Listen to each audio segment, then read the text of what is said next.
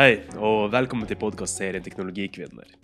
I disse podkastene kommer Norges ledende kvinner i tech-bransjen til å fortelle om sin reise, historier og opplevelser, og synspunkter på temaer rundt tech-bransjen og menneskene som er berørt av den. Så hvis du vurderer å gå i denne bransjen, eller allerede har noe fartstid her, så vil denne podkasten ærlig dele hvordan noen av de fremste kvinnelige lederne opplever og tenker på den. Både dens fortid og dens framtid.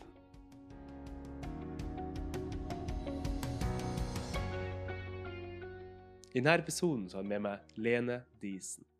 Det jeg likte veldig godt med denne episoden, var ikke bare at Lene delte en veldig menneskelig og ekte historie, men at hun også kom inn i denne bransjen som en ekte techie. Hun gikk det faktisk på skolen, og har jobba med den i nesten 20 år nå. Så hun har et helt unikt perspektiv på dens utvikling og hva vi bør gjøre med den framover. Jeg håper dere liker denne episoden. Jeg husker jo altså, det at man fikk sin første telefon og kunne sende en Mm. tekstmelding alt dette her som mange snakker om, og det at man fikk sin første hotmail osv., det, det, det var kjempestort, altså. Eh, Men eh, ja, det gjorde i hvert fall at jeg valgte å studere, starte da på IT-studiet på DPH, som det het den gangen. Eh, Det var jo på Bekkestua, i en eh, nærme hjemme, holdt jeg på å si. Mm. Eh, Men eh, eh, det, det var jo ikke helt det jeg hadde sett for meg sånn Der satt vi og skrev kode på en god gammel overhead. eh, Så foreleseren sto der og skrev C++-kode For hånd? for hånd. Ja, oi, oi, ja, ja, ja, okay. det var veldig spennende. topp moderne. Ja. Eh, Så da kjente jeg mange ganger på at oh, var det det her jeg helt hadde sett for meg? Eh, Så hadde vi jo noen, en sånn lab eh, eller en, eh, der vi kunne sitte og eh, skrive litt kode og osv. Men eh, det, det var liksom kamp om å få plassene der. og jeg husker jeg kjøpte min egen PC og liksom virkelig brukte alle sparepengene på det.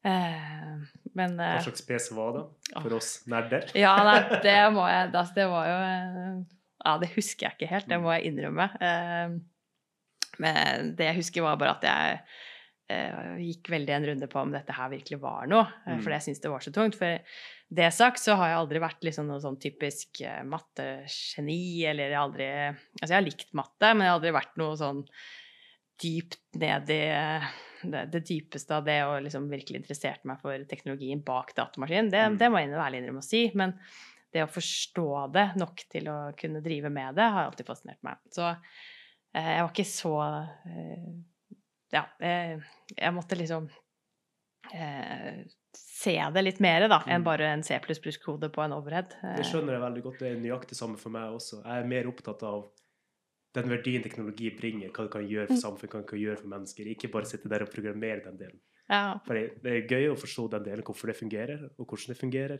men det er hva det kan bringe til samfunnet som er faktisk det interessante med det. Absolutt. Og takk, der tok du akkurat liksom det jeg tenkte jeg skulle si, og hva som interesserer meg òg. Det er jo det det handler om, liksom hva teknologien kan gjøre av muligheter. Mm.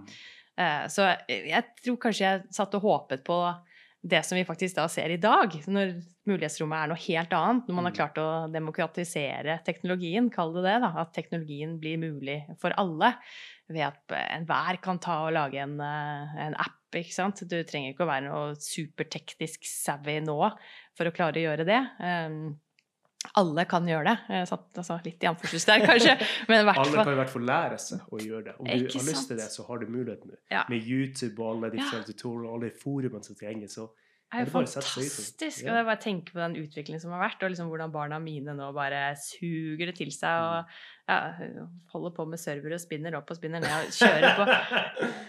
Det er noe helt annet enn det vi hadde. Så da Mm. måtte du bestille. Du, altså, jeg husker flere av de jeg studerte med, hadde jo en server i, i skapet hjemme. altså sånn Bare skrudd opp sin egen greie. og ja, det, det, er, det er bare Jeg tror ikke folk som da ikke har vært med på dette, skjønner det eh, som skjer. jeg tror det er veldig skjer. da. vanskelig å visualisere den når Ja. du er så vant til hvor tilgjengelig det er nå. Bare tenker at før i tiden så var det ikke nært det Det er ikke det. Nei, så, så er dere hjemme mellom alt dette. Så kan si det til deg. Nei, eh, så handler det om Altså, jeg, når jeg da satt og programmerte og gjorde de tingene, så, så var det jo ikke alt jeg skjønte, ikke sant? Det, Mm. og da ble man jo sett på litt sånn Nå er jeg en blond jente og alt dette her, men da ble man sett på som litt dum, da, kall det det, fordi at du ikke skjønte hvordan det ikke fungerte. Mm. Eh, hvis, men hvis du tar dagens kall det ungdom eller unge voksne, sier jo liksom bare ja, men da gidder jeg ikke å bruke det hvis ikke dette funker. ikke sant? Så det er for meg to forskjellige Ja. perspektiver da, på dette her. At heldigvis har vi kommet dit. eh, At du, det er så mye som ligger i bånn som du bare tar for gitt, og så kan du begynne å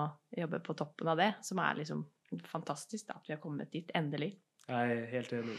Så, Sånn som du sier på den reisen der, at du var en ung, blond Ja. jente. yes. Hvordan var det å være det på den tiden der? For da regner du med en skikkelig sånn gutteklubb av Oh, ja, de nerdene. Ja, det var det jo. Så det var liksom Hva gjør du her? Eh, Har du noe å eh, bidra med? Altså, heldigvis så var vi flere jenter på det studiet. Absolutt. det? Så vi var det, Ja, altså. så imponert. Så det Jeg har mange gode venninner fra den tiden, eh, så vi sto sammen der. Men, eh, og de gutta var også inkluderende, sånn at de involverte oss eh, inn i det miljøet, da. Så vi var ikke bare de klassiske, kalde ja, stereotypene som man sier når man sier nerder. Vi var, holdt på å si, vanlige folk. eh.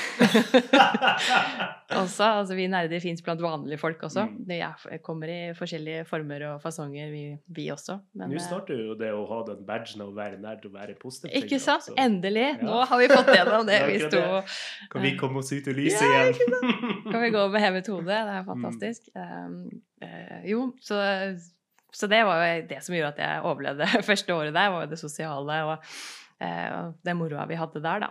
Um, men eh, jeg kjente at for at jeg skulle klare å fortsette med dette, så måtte jeg eh, Da måtte jeg ut. ut fra Norge. Jeg Mm. hadde behov for å gå ut i verden og se noe mer. Så eh, jeg valgte å dra til Australia.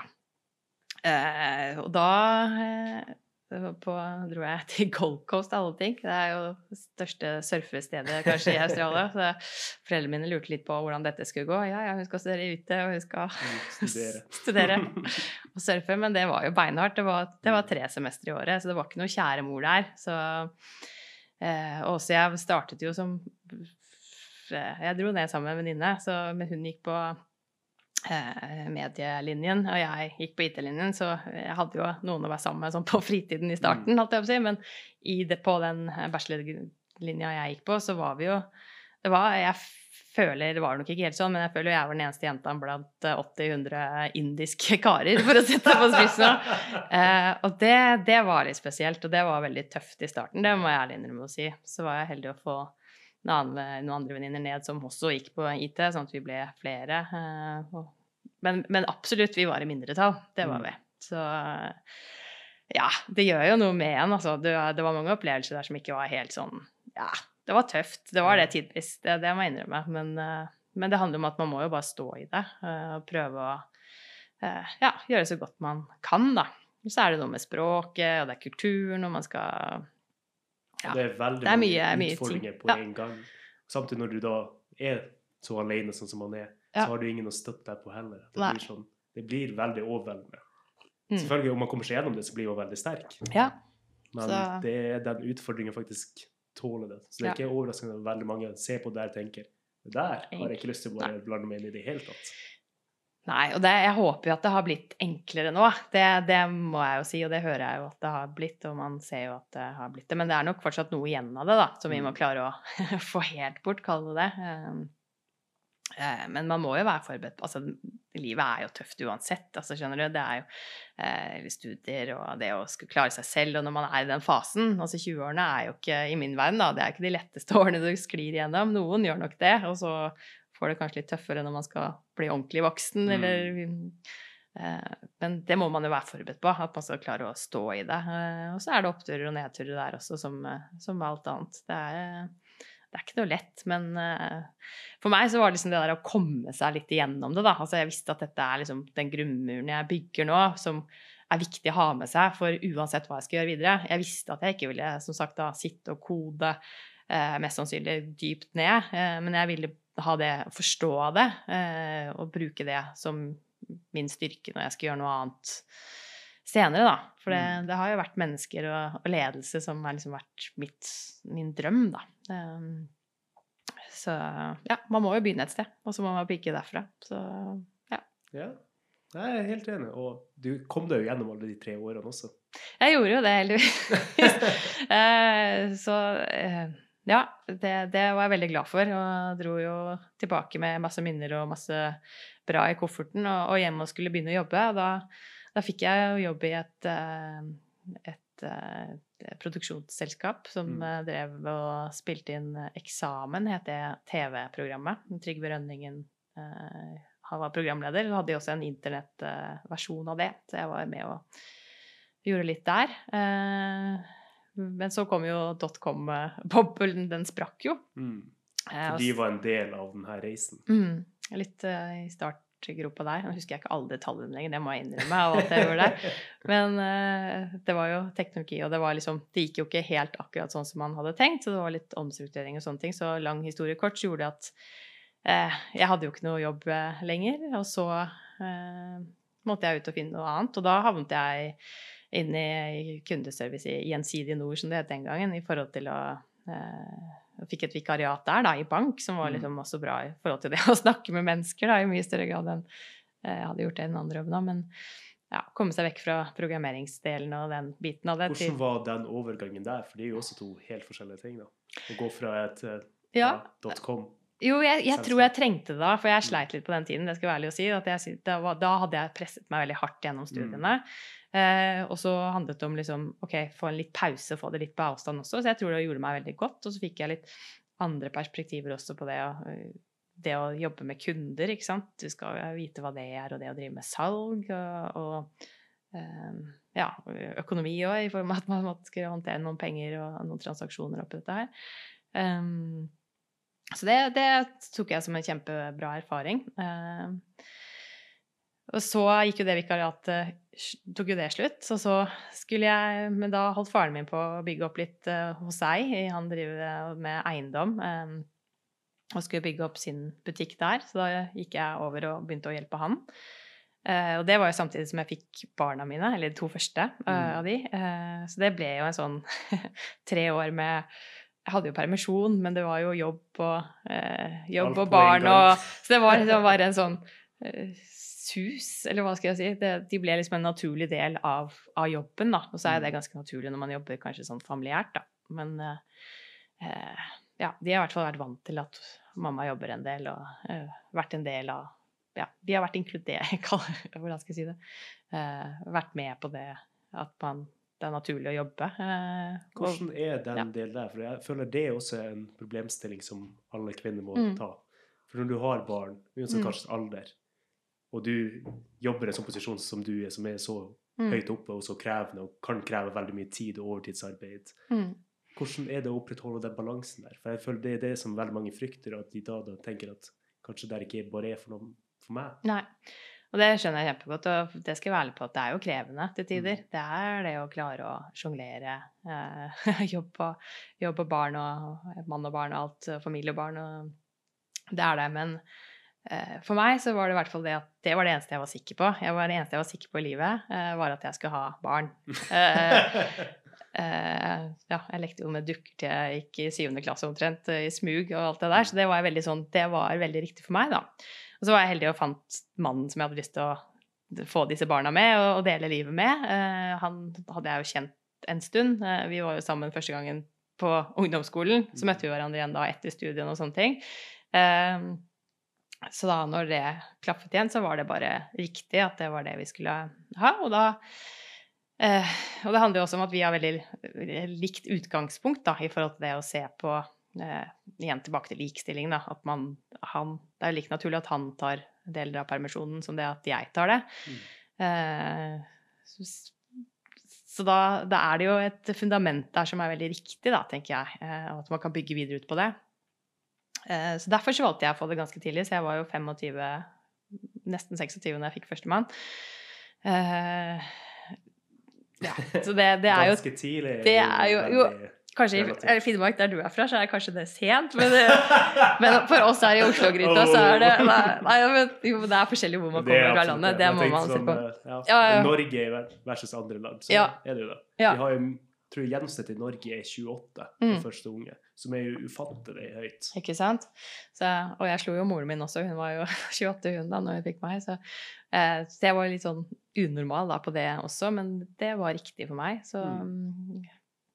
Men det ble jo altså, Og da de første, den første jobben jeg hadde, var jo også med familie, så det gjør det enklere å kombinere det. Eh, at det er liksom kanskje mer forståelse for det. altså Den ligger jo til grunn, da. Eh, Så kommer jeg fra en familie som Det er mye barn, og man sjonglerer alt. Det går greit, liksom. Så da, da funket det på et vis.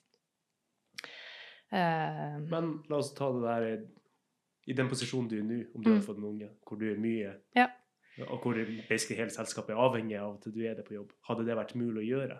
Ja, det, det hadde det. Ja. det. Heldigvis der jeg jobber nå, i Microsoft, så er det jo eh, mulig å Vi er mange, så det er noen Mm. å dra på som har en tilsvarende rolle et annet sted i et annet marked. Så det er ikke en sånn ting man trenger frykte at om jeg tar friene, så går hele selskapet Ja, så går det helt Ingenting selvfølgelig kommer tilbake til. ja, ikke sant? Nei da, det vet, den vet man jo aldri, holdt jeg på å si. Men det er jo eh, Men eh, for meg da, så er det også det at det er, det er jo andre ting som er viktig i livet enn bare jobben. Så Mm. jeg vil ikke at det eh, Jeg vil ikke sitte når jeg blir gammel og se tilbake på at jeg ikke fikk de barna, siden det har vært så sterkt ønske for meg, da.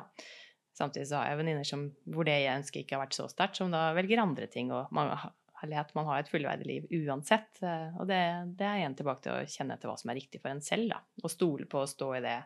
Eh, Men det er jo vanskelig å vite. Akkurat eh, der tror jeg vi kvinner kanskje ja, føler og synser mye kanskje rundt om det er riktig eller ikke. Men det handler også om å finne en arbeidsgiver som tilrettelegger for det og skjønner verdien Mm. av deg, da, og at du er med og bidrar over lengre tid.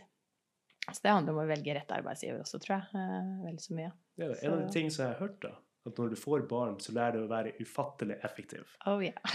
Så den bare spiker med en gang, for det er såpass mye du må gjøre på en gang og stille opp overalt, og du bare tenker OK, Yes. det her er et prosjekt.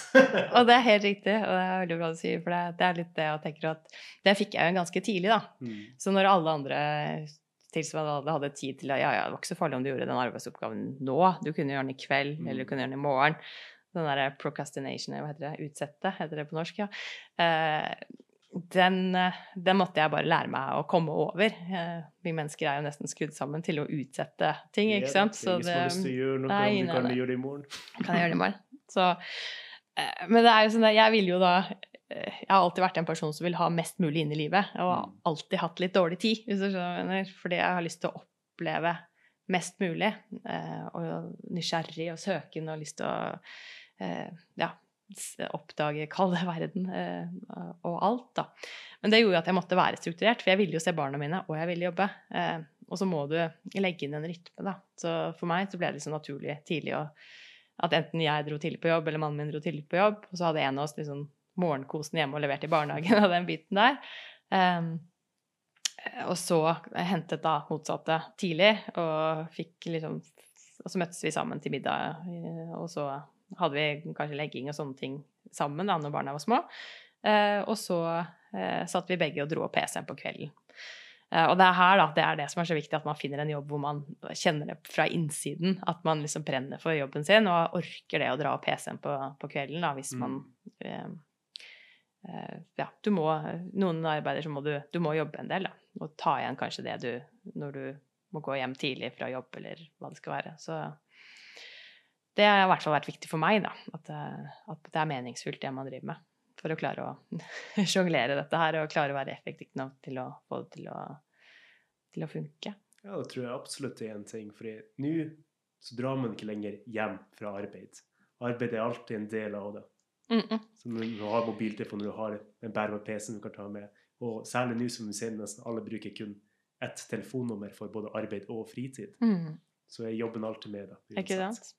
Og det er jo sånn, Man kan jo styre selskapet fra den telefonen. ikke sant? Du er Mm. ikke avhengig av å ha med deg PC-en som du sier, for å logge deg på. Du er alltid på. Uh, og der igjen tror jeg det den være strukturert nok og, og planlegge også for å ta seg pauser. Da. Det, det kjenner jeg på veldig er viktig. da. Uh, uh, at man må gjøre. Man må fuele. Du må sove. Du må få noen andre inntrykk. Hvis ikke så, så deiser du ganske fort inn i den berømte veggen, tror jeg. Mm. Det må jeg bare være helt enig på den også. Mm. Det, ok, etter at du fikk barn, Ja. når kom du tilbake inn i tech-verdenen? eh, Eller var det det også du jobba med i faren ditt sitt selskap? Mm. Det var det? det var det. Men så var jeg innom Er han teknisk også? Nei, overhodet ikke. ikke. Så, Så der var jeg Du fikser alt det der. Så jeg hadde frie tøyler og mye greier. Så det var liksom ja, sette opp CRM-systemer, lage alt mulig. Så bygge opp et selskap da, tilbake på den tiden som var litt annerledes enn det å gjøre det i dag. Mm. Så det er nyttig erfaring å ha med seg. Eh, nei, så da gikk jeg eh, da ja, lang historiekort over til noe som heter Pronto TV. Hvis jeg sitter på flytoget og sett skjermer som er der, så var jeg med, eller jobbet jeg der i en del år. Og ja, var prosjektleder for den type skjermløsninger, da. Mm. Så det var det som kom meg over i teknologiverdenen igjen. Ehm, Det var kjempespennende og en nyttig erfaring, det òg. Men så var jeg der Og der fikk jeg mitt tredje barn, da, i den settingen der. Eh, Og, og mens jeg gikk hjem med han, så hadde jeg også behov for å liksom sjekke at det er tech jeg virkelig har lyst til å drive med. Eh, Så da tok jeg første året på sykepleien, og alle ting.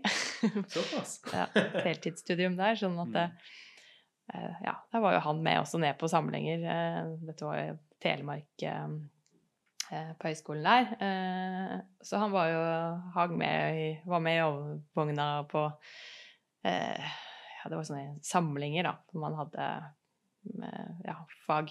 Eh, så han var jo med og eh, hang der, mens mor fikk litt påfyll og andre ting. Eh, og det også tror jeg har vært veldig nyttig for meg. Det, det, var, det var bare for å Igjen, da. Jeg måtte se noen mennesker, ikke bare teknologien. For det var Eh, den delen som tenkte sånn at du må ja, må komme liksom til folk igjen. til folk igjen. Ja. Jeg må snakke med folk eh, litt også, ikke bare disse maskinene. Eh, Mm. eh, og også få litt andre perspektiver, for det Ja, påfyll, da. Og det var nyttig. Men det er viktig å, tror jeg også, da, skjønne mennesker. Altså det, det var litt psykologien i fagene der. Eh, I forhold til å forstå hvordan vi mennesker eh, fungerer, da. Eh, og det tror jeg er viktig å ha med seg også i ledelse uansett, da. Absolutt. Så- Det er kjempeviktig nå også, ikke bare i ledelse, men også f.eks. konstruksjon av produkter. Ja. For vi er langt forbi den tiden der hvor vi tenkte "Dæven, det her er kul teknologi, la oss lage det her, og så bare presentere til markedet. Se hva vi lagde. er det noen som har lyst til å bruke det her? Ikke sant? Nå Det er heldigvis Ja, rundt. da har vi Vi klart å Ja. Hvordan folk agerer, hvordan Mm. de tenker. Har de faktisk behov for det, noe som kommer til å passe til dem? Absolutt. Så det, det er jo bra at vi har kommet dit, at man begynner å skjønne at det er lurt. Uh, eh, ja, så det, det har hjulpet meg mye, det også, å ta på det. Men uh, så begynte jeg i Software Innovation da, Mm. etter, etter dette her igjen, og det var egentlig også som prosjektleder. Eh, det var også eh, superspennende. Eh, Et fantastisk selskap å komme inn i. Eh, Og da liksom følte man at man hadde kommet hjem. og liksom ja, traff li likesinnede. veldig fin tid der. Og fikk, hadde en kjempe Ja, masse gode ledere som, Mm. som så meg og hjalp meg og trakk meg opp, da. Noe som er utrolig viktig. Har vært veldig viktig for min reise, for å kalle det. Um, I de her bedriftene som du har nevnt nå, hvordan var det med eksempel andre kvinner som jobber innen tech? Var det noen andre der enn der, eller var du fortsatt like alene? Ja, vi, i hvert fall fram til jeg kom til, til Software Innovation, så var det bare meg og én til.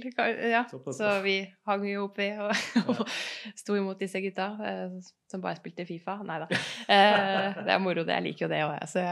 Men jeg syns det har vært greit, for jeg har vært heldig og liksom eh, De kara jeg har jobbet med, i hvert fall eh, i, stort sett har jo vært veldig ålreite. Og ikke Mm. jeg har, ikke, jeg har følt meg inkludert, jeg har følt meg velkommen. Det, det har jeg. Det er en ting å føle seg velkommen, det andre Ja. faktisk å ha noen som har samme perspektiv og har Ja. samme tanker. Så det.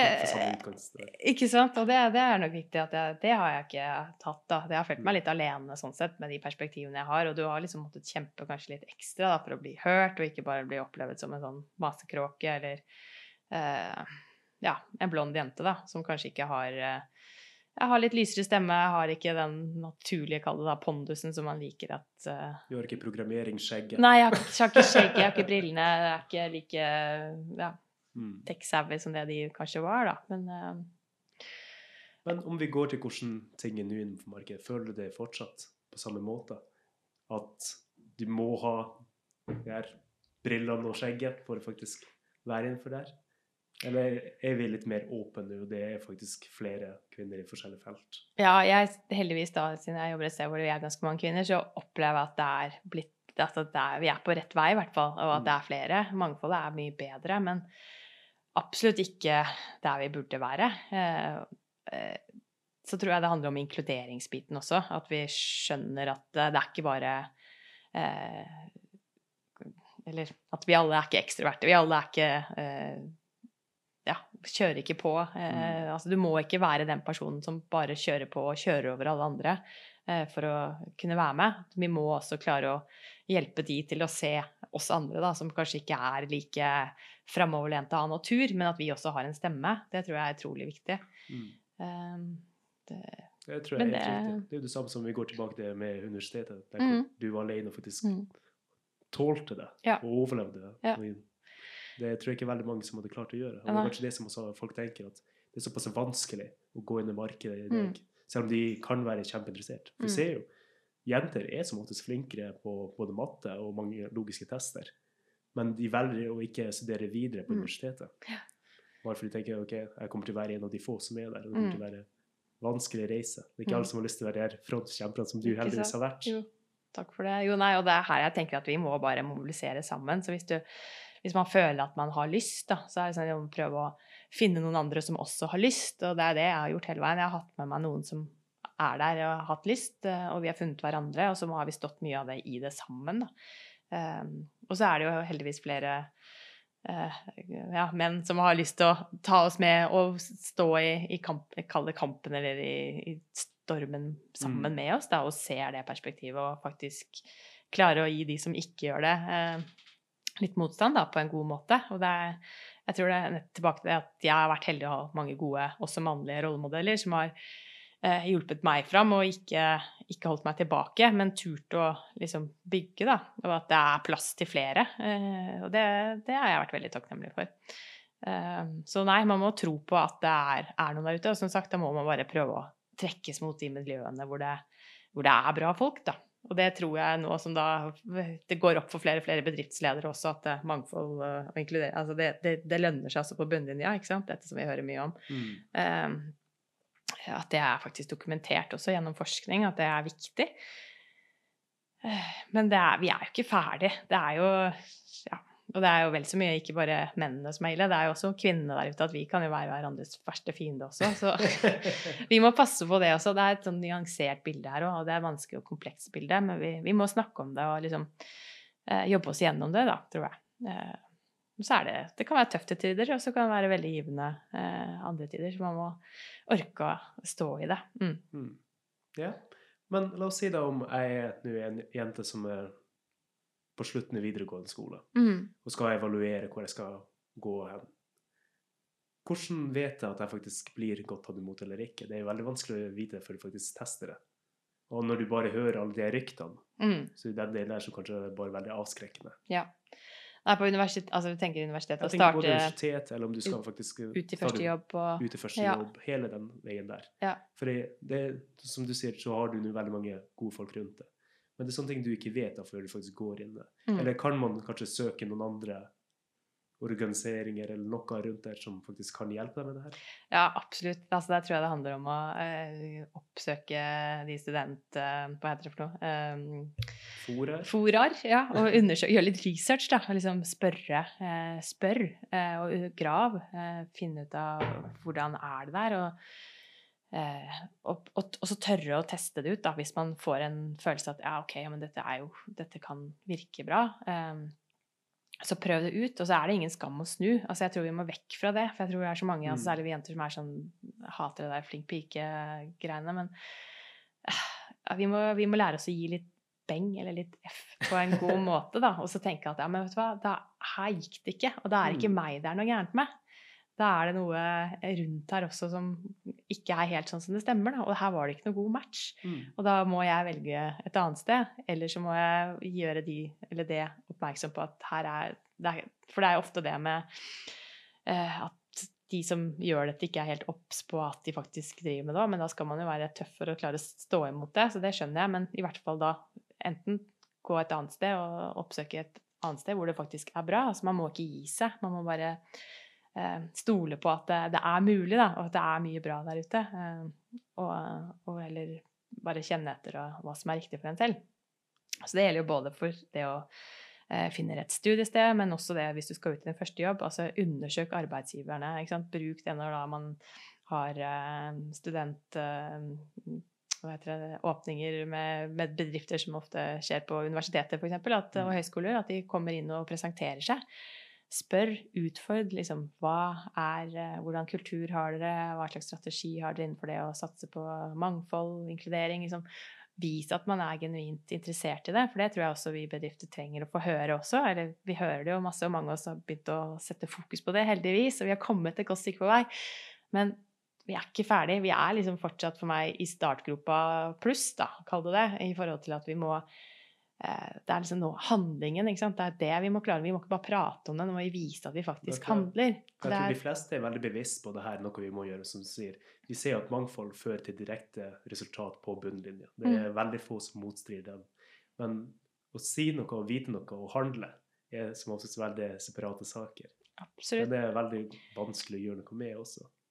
Det er det. Og, det, og, da, og igjen, da, det handler om altså, hvis du er et selskap og ikke gjør nok, nei, men og i hvert fall da, hvis du er innenfor teknologi i dag, altså, da er du attraktiv andre mm. steder også. Så stol på det, og liksom gjør researchen din. Snakk med andre. Bruk Oda-nettverket, andre nettverket. Det er masse der ute som, eh, som er på gang, da. Så ja. Jeg er enig, og det du sier, det er også en veldig viktig ting. Det med at det er ingen skam å snu. Nei. Så jeg likte veldig godt det du sa med f.eks. at du tok ett år på sykepleie. Ja, sykepleien. Første året på sykepleien. ja. Og så tenkte jeg OK, da testa jeg det her. Nei, da var ja. kanskje teknologi mer riktig for meg likevel. For det, det der, Mange tenker at om jeg starter på noe, så må jeg fullføre 100 mm. så Da er du bundet til det. Mm. Gift til det. Ja. Det er ikke det. Og det samme med selskap. Om du starter et sted du ser her trives jeg ikke. Her, det jeg ble lovt, samstemmer ikke med realiteten. Jeg kan faktisk gå et annet sted og teste der. Mm. Der hvor det faktisk er kanskje flere kvinner, flere, bedre mangfold de ja, hjelper. Absolutt. Og så er det sånn også å gå en ekstra Det er ikke alltid det, eller det er ikke, mm. Som regel er det ikke deg det er noe gærent med. Eh, det kan være elementer rundt da, som gjør at matchen ikke blir riktig.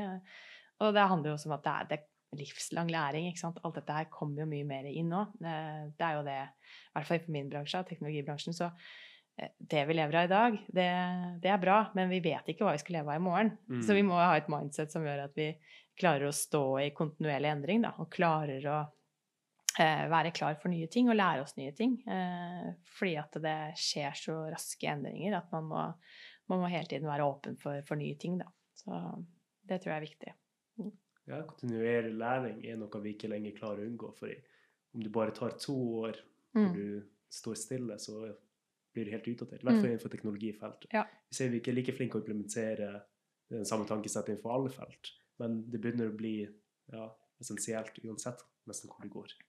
Og så er det det også at teknologien infuser, som det heter eh, så fint, eller eh, influerer alle, alle mm. bransjer også. Så jeg tror også det der med bransjeskillene, de klassiske, kommer til å bli visket mer og mer ut ikke sant, etter hvert. At det, uh, du trenger teknologi enten om du skal innen helse, eller om du skal være ren tech, eller om du skal være alt. Så ja, gå teknologiveien. Altså det, det du lærer der, har du nytte av deg uansett om du skal ja, Nesten om du skal bli lege, eller om du skal hva bussjåfør mm. altså, Det blir kanskje borte, men uh, da må du derfor skjønne hvordan den selvkjørende bussen funker. Uh, ja, det, er, det, er, det, er, så mange muligheter at det Ja.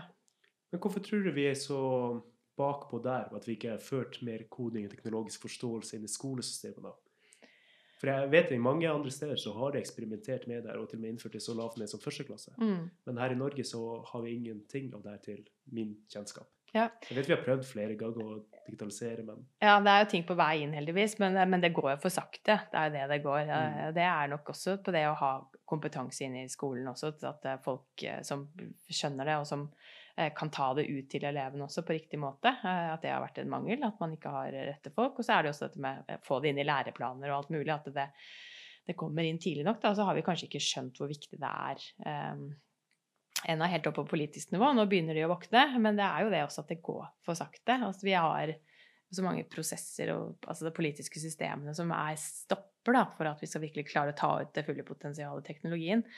Eh, så nå, ja, nå kjenner jeg vi går langt inn på dype temaer som vi kan snakke lenge om. Men det handler jo om den strukturelle tingene i samfunnet også som må gjøres noe med da, for at vi skal klare å eh, en, det handler jo om det skill-gapet som kommer til å mm. være når vi ikke har nok teknologiske hoder. Da. Tenk alle nå fisker i samme eh, fiskedam for å få de tekniske inn. Alle har blitt teknologibedrifter.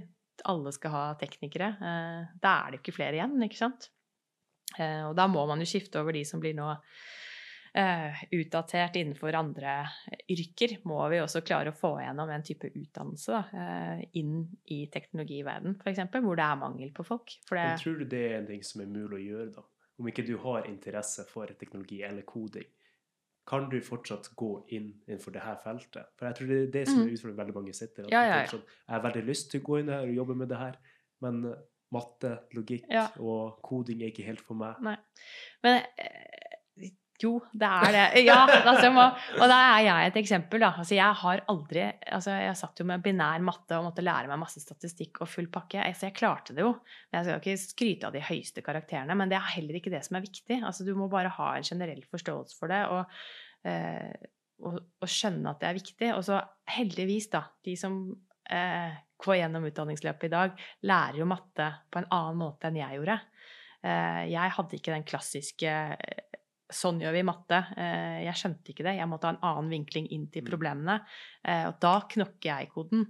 Eh, heldigvis da ser jeg på barna mine i dag, som nå går på barne- og ungdomsskolen, så lærer jo de matte på en helt annen måte enn det jeg gjorde. Heldigvis. Da har det blitt tusen måter å lære matte på. Og da må man liksom Men her igjen så krever det jo litt av en selv å finne sin vei inn til matte. Og, og, og det handler om å bruke tid eh, og skjønne at det er gøy. Du, det er som å lese også. Du må liksom lære deg å lese, og så får du eh, flyten og interessen og skjønne hva det er for noe. Det er som alt, ikke sant. Eh, så tror jeg vi må tørre å utfordre oss litt og liksom virkelig gi det en sjanse, da. Eh, ja. Det var min tanke, men eh, jo. Er ganske enig, men for jeg har vært mattelærer sjøl, Mm. og det, akkurat det du beskriver der, er en av de tingene jeg liker best med å være mattelærer som er på privat. er At når du har kun én student, så kan du prøve mange forskjellige innfallsvinkler. Helt til du ser ah, der stemte det. Det er den måten de forstår det på. Mm. Men det er der utfordringen også lærere har. da. At De har ikke kun én og én student hvor de kan tilpasse, men de har en hel klasse. Mm. Så nå har vi jo teknologi som kan assistere litt mer med det. Men har vi også implementert det på høyere nivå, f.eks. om du skal lære teknologi eller koding? Fins det noen sånne type løsninger der? Eller er det sånn mer at ok, du må bare finne ut din egen måte å løse det her på? Nei, og det er tilbake til det jeg sa i stad, i forhold til at jeg ble jo sett på som dum hvis ikke jeg skjønte programmeringsspråket. Nå er det liksom det er Alt det som jeg eh, drev med, er på en måte nå inne i den koden som man bygger videre på toppen av, da. Eh, I hvert fall ofte. Altså, du, du må ikke nødvendigvis dypdykke ned i det. Altså enhver. Altså, ta det vi selger i Microsoft, så er det jo altså power-apps. Du kan svinge opp en app eh, bare ved å et par tastetrykk, så er du i gang, så lenge du har dataen i bånn og kan uh, fuele inn. Så det har blitt utrolig mye enklere. Så det er ikke, heldigvis, da, sånn som det var før. Det har blitt mer demokratisert, for å kalle det det. Eh, så det er, derfor også er det mulighetsrommet Altså, gå ut og ta det nå. Gå ut og ta en posisjon i det. Det er det, det ville i hvert fall jeg gjort. For det var det jeg trodde at jeg fikk da når jeg startet på 90-tallet. Men det er jo nå det skjer. Det er jo nå liksom, AI-en og alt dette her kommer som er, eh, er klart da, til å ta i bruk. For nå har vi jo, med alle de dingsene og alt det vi har eh, med oss hele tiden, så samler vi jo inn massivt mye data Mm. som vi kan kjøre disse algoritmene som har vært der siden 60-tallet, som kaller det AI, eh, igjennom med eh, eh, å få ut fantastiske ting i andre enden. Det er jo nå det skjer. Mm. Det er dette her jeg trodde skulle skje når jeg Ja, som sagt, på 90-tallet, men det er jo altså nå. Jeg, tror ikke vi skjønner hva, hva vi står midt oppi, da. Og det er akkurat nå vi også har nok maskinkraft til Mm. faktisk å gjøre det. Yeah. For algoritmene i seg sjøl har ikke forandret så veldig mye. Men som du sier, det første så har vi samla inn nok data Mm. til å gjøre de analysene. Og det andre er at vi faktisk har nok prosessorkraft til å gjøre noe med det. Mm. Men f.eks. nå i Microsoft, sånn som dere er nå, Mm. har dere mange som går fra andre felt? Som fra psykologi eller Ja, ja. design og sånne ting? Så vi har alle, alle hele spekteret. Altså Mm. de med psykologibakgrunn, vi har de med salgsbakgrunn, de tekniske. Så alle møtes jo der, og så finner man en plass eh, i det, den setupen vi har, da, i forhold til hvor man, hvor man passer best inn eh, med den bakgrunnen. Det er jo det vi gjør. eh, Så vi tar jo ikke kun teknologi-CV, men vi- de, Mm. De må jo ha en interesse for teknologi eh, og forstå hvor viktig det er, og hvor viktig det blir framover for å kunne jobbe hos oss. Um, og ha en passion for det, selvfølgelig. Og, og, og ha lyst til å lære.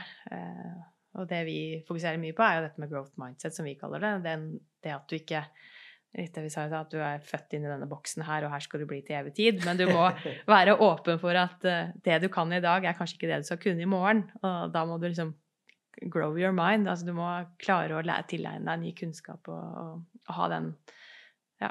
Uh, Men føler, fører ikke det også til veldig stressende hverdag? Og du føler at kanskje uansett hva du lærer, og uansett hvilken posisjon du tar, at du ikke er trygg? Jo. Det tror jeg, og det, det, kjenner jeg på selv også. at man, man, Det er hele tiden noe nytt. Og vi blir jo bombardert med ting vi skal uh, mm. fjule opp og inn i, inn i hodene. og det er bra at vi har et selskap som satser på det, men tror, for meg så hjelper det å tenke at alle har det jo litt sånn.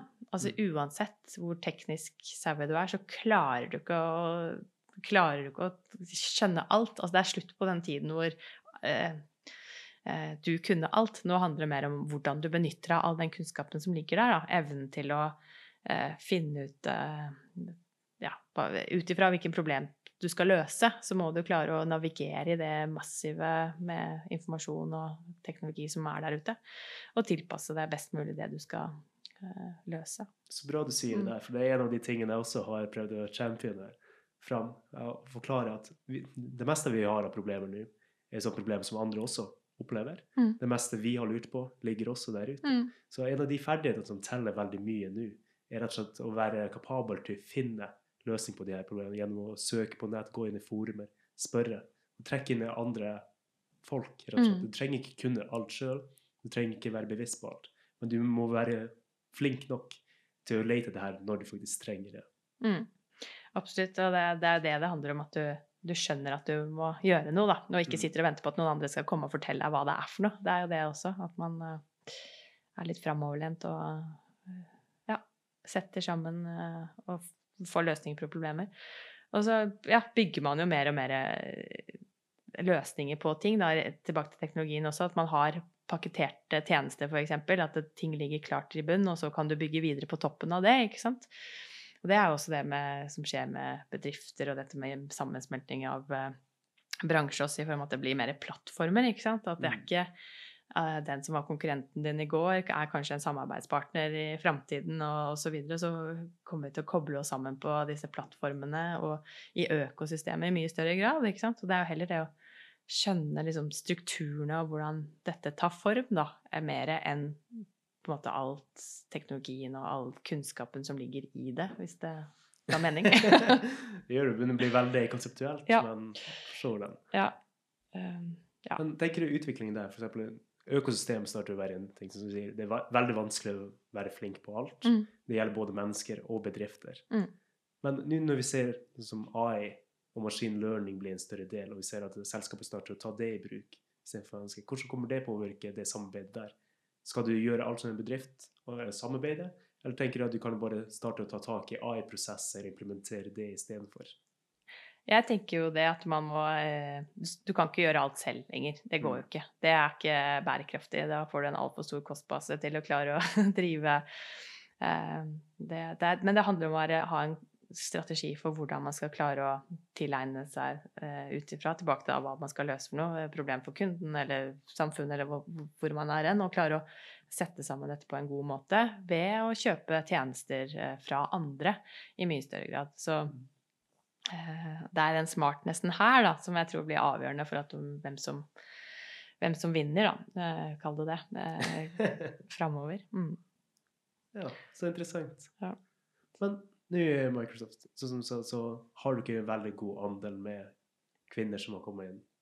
Unge jenter som har starta i av sin karriere.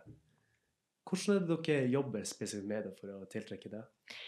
Ja, altså Vi har heldigvis klart å få opp kvinneandelen bra. Altså vi er 30... Mm. Dere er jo noen av de ledende der. ja, 30 eh, pluss eh, mm. er vi nå. og og for et uh, litt eldre selskap så er det veldig imponerende andel. Mm. Og det er jo enkelt at det er Eller det er ikke enkelt, det er hardt arbeid. Det handler om å gå ekstra runder i, i, i ansettelsesprosesser. Eh, Hva du mener med en ekstra runde? Det handler om at du skal sikre at du har kvalifiserte kandidater som eh, har det mangfoldet som vi er ute etter. Og da snakker jeg ikke bare om kvinner, men også med en annen seksuell legning, en annen kulturell eh, mm. bakgrunn osv. osv. Altså at vi får hele den miksen til å stemme med strategien vår. Da. At vi når de målene vi har satt oss. Eh, og det er krevende, for det er Vi har jo dårlig tid. Vi har jo noen mål vi skal nå i bedriften, både finansielle og, og andre mål, som, som, gjør at vi har dårlig tid. Og det er enkelt da å bare ta inn den ja, flinkeste mannen, eller hvis du da Det kan være andre enn Vi har jo det eh, team som hvor det bare er kvinner, som da må vente på en mann. Altså, så bra! Ja, ja, det er en ny problemstilling. Ikke sant? Så heldigvis, da, så er det det. Det som er så viktig med diversity eller mangfold, fordi man ser det bare fra én side, da. Mm. Sånn som du sier der, det er også en ting som gjelder. Mm. Det er mange yrker nå som vi har for få menn i, hvor vi faktisk burde søkt inn den veien òg. Absolutt. Ikke? Og det er tilbake til sykepleierne. da. Der, mm. der var jo bare damer. Jeg var jo helt, det var helt uvant for meg. Jeg bare Herregud. Det var mye kakling. Nei, jeg eh, Men eh, Nei, men det, det, er jo det at det, det, er nå det skjer, og det er handlingen som må til. da. Det handler om at man må ha en plan. Man har lagt en strategi for hvordan skal vi klare å eh, løfte det eh, mangfold-targeter-målet vårt, da. Eh, mm. Hvordan skal vi nå det? Og så må man stå i det når det blåser fra alle kanter, og, og være tro mot strategien sin. Og det, det, er ikke bare lett, det skal jeg innrømme, men, eh, men man må det. Og det, det, viser jo det at vi har fått til i, forhold, i Microsoft, at det gir resultater. Da. Mm. Jeg tviler ikke, men Microsoft er også en veldig stor bedrift. Mm. Dere har et renommé og markedsmakt. Men hvordan vil en mindre bedrift f.eks. 10-20 menn. For i Norge så er mm. vi jo SMB-land. Mm. De fleste bedriftene våre er ganske små. Mm. Og spesielt innenfor IT der så ser du at mangfoldet er ikke sånn som det burde vært i det hele tatt. Kvinner er én ting, men forskjellig hudfarge, forskjellig legning. Absolutt mm. samme problemstilling der. Ja, nei, altså, Hvordan kan de gjøre noe med det? Nei, Det er tilbake til det samme som vi gjør. Jeg tror det er det samme som må replikeres ned til de mindre bedriftene også. Det handler om å sette den strategien, som jeg sa, eh, og forstå hvorfor dette er viktig. Eh, fordi Eh, I 2020 så er jo 40% av arbeidsstyrkingen globalt er jo disse millennialsene. Og de har heldigvis da litt andre verdier. verdier. og eh, ønsker om hva arbeidsgiver skal gi de, da. De må mm. ha den med mening eh, i mye større grad enn det kanskje vi som var tidligere generasjoner, har eh, ja, vi har mer tilpasset oss. oss ja, men sånn er det, og det var det der fikt mindset igjen. Sånn er det, og sånn har det alltid vært. Så du fikk en jobb, og der skulle du bli. Eh, mens nå har de andre ønsker det at eh, de selv eh, får utfolde seg, får eh, ja, glede av å gå til jobb, da, som jeg tenker også er helt riktig, med tanke på at å ha en passion innvendig som driver deg, er mye sterkere eh, hos de. Eh, og også dette med å ta et samfunnsansvar, da. At bedrifter må ta et samfunnsansvar i mye større grad enn det eh, man kunne gjøre tidligere. Man kom mer unna, unna med det, kall det det, da, enn at det er en helt annen bevissthet rundt det. Og det tror jeg man da, tilbake til de mindre selskapene som kanskje ikke har kundeandelen så stor, må ta inn over seg og også sette en strategi for. Da. Hvis ikke så eh, da jo, får de jo ikke folk som har lyst til å jobbe hos de heller, så da er det jo out of business at uh, worst case, da, i min verden. Altså, jo, nå setter jeg det selvfølgelig på spissen her, men det, det er jo det det handler om. Mm. Så det handler om å være attraktiv over tid, da. Så hvis man har tenkt å være være med i gamet litt mer enn bare fem-seks år, så, så, bør man ha en langsiktig strategi på det og, og ha med seg styret og, og alle på, på det. Mm. Mm. Ja, jeg er helt enig, men OK. For så som du sa med at vi fisker alle i samme lille pant, mm. for det er jo en annen ting av problemstillingen også. At nå påvirker vi ikke bare den lille delen der. Men tror du vi som selskaper har også noe innflytelse på å hjelpe folk å velge inn mer innen tech? f.eks. påvirke høyskoler og universiteter til å gjøre den delen der mer attraktiv for f.eks. kvinner eller folk med en annen legning. Vise at vi som selskap støtter helt ned i skolesystemet. Ja, ja og det er jo det vi jobber med eh, mye hos oss også. At vi, eh, at vi bryr oss om det politiske også. At vi mm. har en eh, egen eh, divisjon som jobber med det internt også. I Norge også? I Norge også, ja. Mm.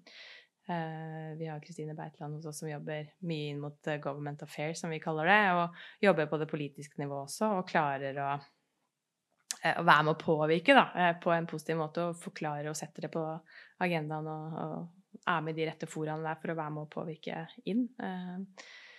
nettopp det for å gi Altså, vi har jo noen synspunkter og vet jo hva vi trenger mm. fra næringslivet, og, og klare å få også politikerne til å forstå det, og, og være med i en god dialog der på hvordan man klarer å få det til å, til å skje. Da. Nettopp sånn at det ikke er, det er tomt i den dammen når vi eh, Ja. Så Ja, det er akkurat den delen der. At rent historisk sett så har høyskoler og universiteter hatt en veldig lav tilknytning mm. til næringslivet. Ja. Og det er en av de tingene som de får veldig mye pepper for. Mm. Og jeg tenker spesielt innenfor tech, som utvikler seg så kjapt, Mm. om du ikke har den kontakten, og du starter å utdanne folk som ikke lenger er mulig å ansette, for Mm. deres kunnskap er helt utdatert. Mm. Nei, så absolutt. er det noe som må tas hånd om med en gang. Absolutt. Nei, det tror jeg er riktig at man har tett kontakt med akademia på nettopp de tingene der. At man klarer å Vi kommer med hva behovet er i markedet da, for, å, for at eh, næringslivet skal klare å dekke det, det de trenger. Så er det viktig med tett kontakt der. Og det, det tror jeg er viktig at man uh, lager arenaer for at, uh, at det skjer. Og, ja. Ok, Men om du skulle da gi et tips til noen som nå starter på høyskole eller universitet, om hvilken retning verden Mm. kommer til å bevege seg, Mm. og skolen ennå ikke har bestemt for det, hva Mm. ville du tenkt, hva ville du valgt? Altså det, men det handler om før du kommer på videregående. Det handler om allerede når du skal velge matte på ungdomsskolen. Da. Sånn som jeg forteller barna mine. At det, eh, matte er bra, matte er gøy. Vi må lære oss, lære oss det. Um, eh, og velge eh, riktig matte. Det er jo det du må ha for å klare å komme deg inn på de rette studiene etterpå. eh, og tørre, tørre å gjøre det. eh, og gå sammen hvis man tenker at man ah, Yes, dette er gøy. Dette er Eller Men hvordan kommer man seg til det nivået der? For Ja. veldig mange nå garantert kommer til å høre på det og tenke nope, matte er ikke gøy. Nei, altså det er, det er jo å stole på oss litt eldre, da, og Mm. tenke at uh, Altså, jeg har klart det. Altså, da tenker jeg at da kan alle klare det. det. Det er litt sånn, men du må jo selvfølgelig jobbe for det. Men det må man med alt, uh, på et eller annet vis. Uh, og så Ja. Så må man bruke litt tid med det også for å lære det å kjenne også. Så, så det er jo med alt det man gjør mye, blir man jo god på. Mm. Så man må trene litt på det også. Um, og så tenke på at hvis man skal ha en god framtid, så er det lurt å gå den veien. For da er mulighetsrommet mye større, da. Det var det jeg tenkte når jeg gikk inn, at det, hvis jeg går den veien, så er det mulighetsrommet mye større enn hvis jeg snevrer det inn til f.eks. én retning, da, som bare ville tatt meg ett sted.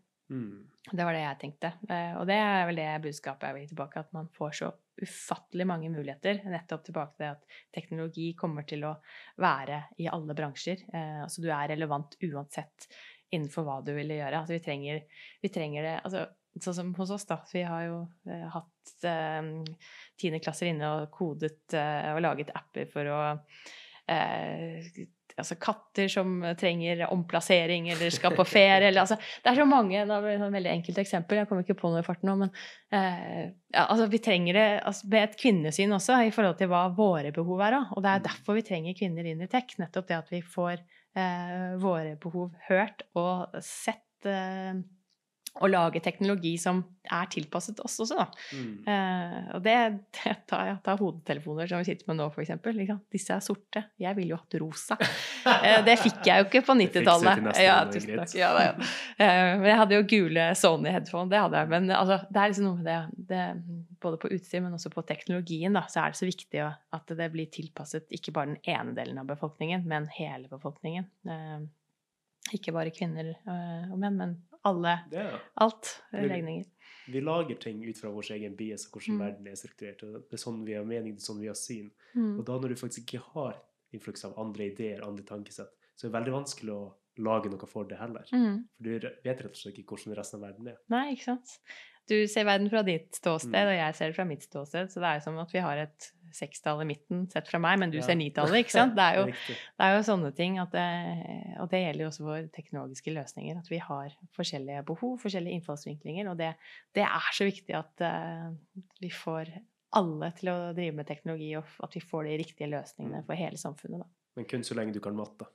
Ja, ja, det er sånn Hva med de som absolutt ikke kunne tenkt seg det? Har du Jo. noen tips til dem også? Men altså, det handler om å eh, Det er jo flere veier til mål også. Det er, Mm. I dag så er det jo bli sånn at du må ikke gå en kjempelang eh, altså mastergrad eller ta hele veien løpet ut for å kunne jobbe innen teknologi. Du kan jo klare å, eh, å lære deg eh, ting selv også, og allikevel bli relevant da, for arbeidslivet. Og det tror jeg det kommer til å bli mer og mer av, da, tilbake til det vi snakket om i stad, med å få de riktige utdanningene på, på studier osv. At vi må fuel inn og få den systemendringen på plass. Da. Så, men hvis man er altså, undersøke litt. Det er litt det jeg tenker at det er viktig å gjøre. At man undersøker og være litt nysgjerrig. da, Tenke hva kan dette være? Spør hvis du har noen du kjenner, eller oppsøke av disse nettverkene osv. Vær litt nysgjerrig, og så få litt forskjellige perspektiver på det. Og, prøv. Så er det ikke for deg. Og, det er viktig å si. Altså, det er ikke for alle. Det er jeg helt enig på. Men du kan, i hvert fall hvis man har litt sånn lyst i magen, så kan man prøve det, og så kan man heller si at men det har jeg prøvd. Det var ikke for meg. Var feil. Ja, det er alltid tid til å endre retning. Det er det heldigvis. Eh, dit har vi kommet. At du, du har ikke brent noen broer hvis du stopper opp. Da, I hvert fall ikke i min verden. Eh, mm. Da det, viser det heller at du er eh, reflektert og har tatt egne bevisste valg, da, som jeg tror er utrolig viktig. Og så kan man endre fokus eller fortsette. Det er opp til en selv. Ja, helt enig. Ja, veldig interessant. Tusen takk. Bare hyggelig.